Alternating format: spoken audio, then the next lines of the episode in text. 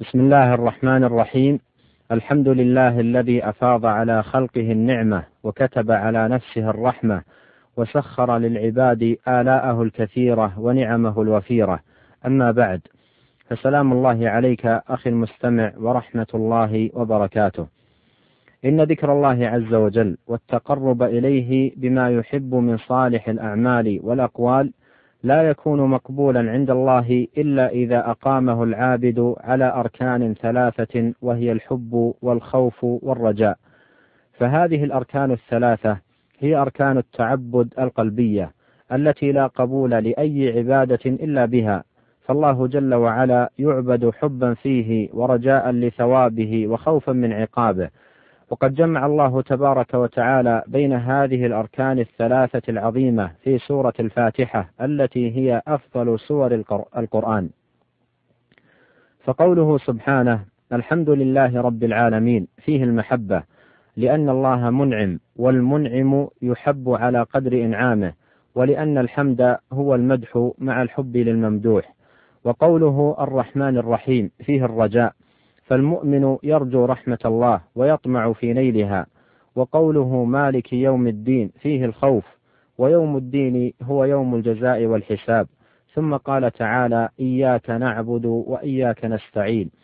أي أعبدك يا رب بما مضى بهذه الثلاث بمحبتك ورجائك وخوفك. فهذه الثلاث هي أركان العبادة التي عليها التي عليها قيام إياك نعبد وإياك نستعين. فإياك نعبد لا تقوم إلا على المحبة التي دل عليها قوله الحمد لله رب العالمين والرجاء الذي دل عليه قوله الرحمن الرحيم والخوف الذي دل عليه قوله مالك يوم الدين. وقد جمع الله أيضا بين هذه الأركان في قوله أولئك الذين يدعون يبتغون إلى ربهم الوسيلة أيهم أقرب ويرجون رحمته ويخافون عذابه. فإن ابتغاء الوسيلة إليه هو التقرب إليه بحبه وفعل ما يحبه ثم قال ويرجون رحمته ويخافون عذابه فذكر الحب والخوف والرجاء. وكذلك في قوله إنهم كانوا يسارعون في الخيرات ويدعوننا رغبا ورهبا وكانوا لنا خاشعين ولذا أخي المستمع يجب أن يكون العبد في عبادته وذكره لله جامعا بين هذه الأركان الثلاثة المحبة والخوف والرجاء.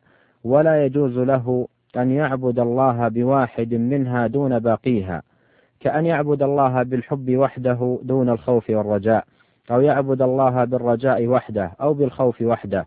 ولذا قال بعض أهل العلم من عبد الله بالحب وحده فهو زنديق.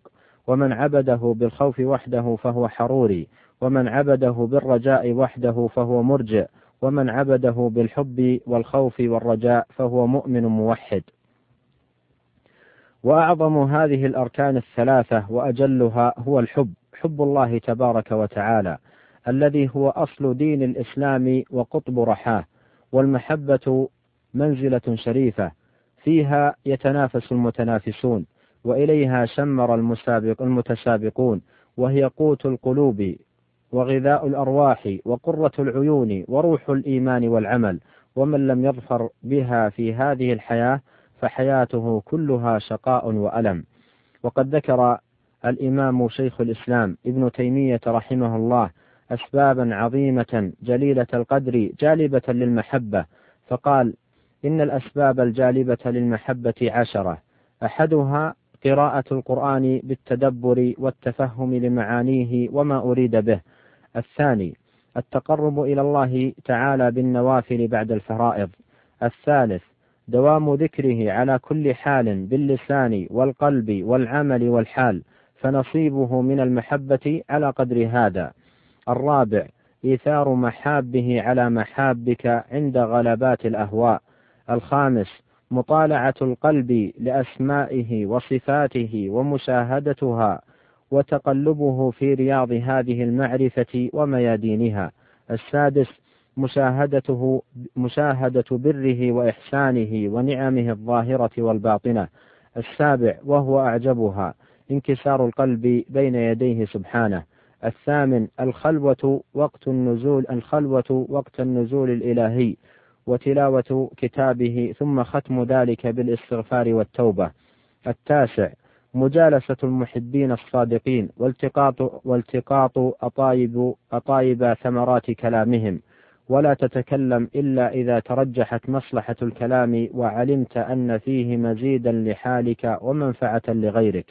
العاشر مباعدة كل مباعدة كل سبب يحول بين القلب وبين الله عز وجل.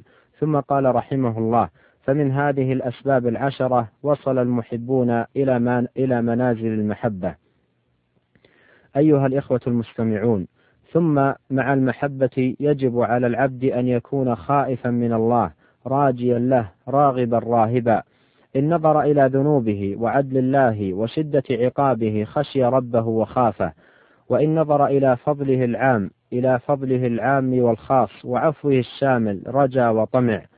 إن وفق لطاعة رجا من ربه تمام النعمة بقبولها وخاف من ردها بتقصيره في حقها. وإن ابتلي بمعصية رجا من ربه قبول توبته ومحوها وخشي بسبب ضعف التوبة والالتفات للذنب أن يعاقب عليها.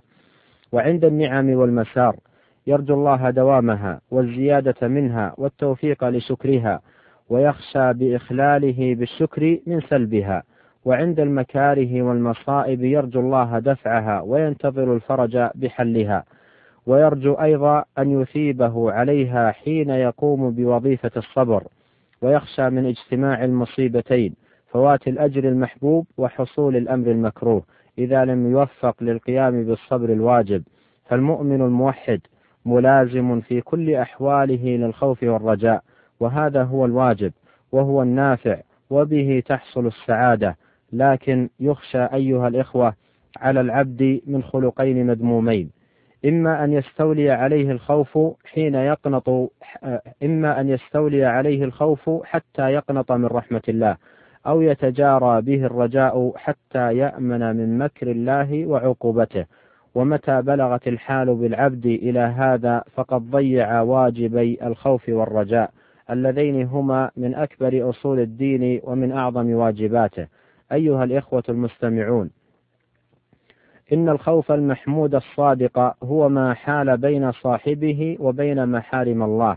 فإذا تجاوز ذلك خيف منه أن يقع صاحبه في اليأس من روح الله والقنوط من رحمة الله.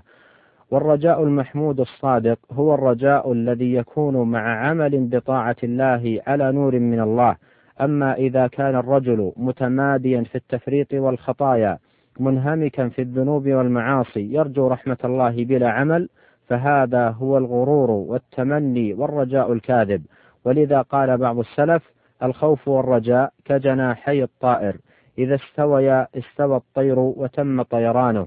وإذا نقص أحدهما وقع فيه النقص وإذا ذهب صار الطائر في في حد الموت. هذا والله الكريم أسأل أن يوفقنا وإياكم لتحقيق هذه المقامات العظيمة المحبة والخوف والرجاء وأن يجعلنا ممن عبد الله حبا فيه ورجاء لثوابه وخوفا من عقابه وأن يعيننا على تكميل ذلك وحسن القيام به. إنه سميع الدعاء وهو أهل الرجاء وهو حسبنا ونعم الوكيل. وإلى لقاء آخر إن شاء الله. والسلام عليكم ورحمة الله وبركاته.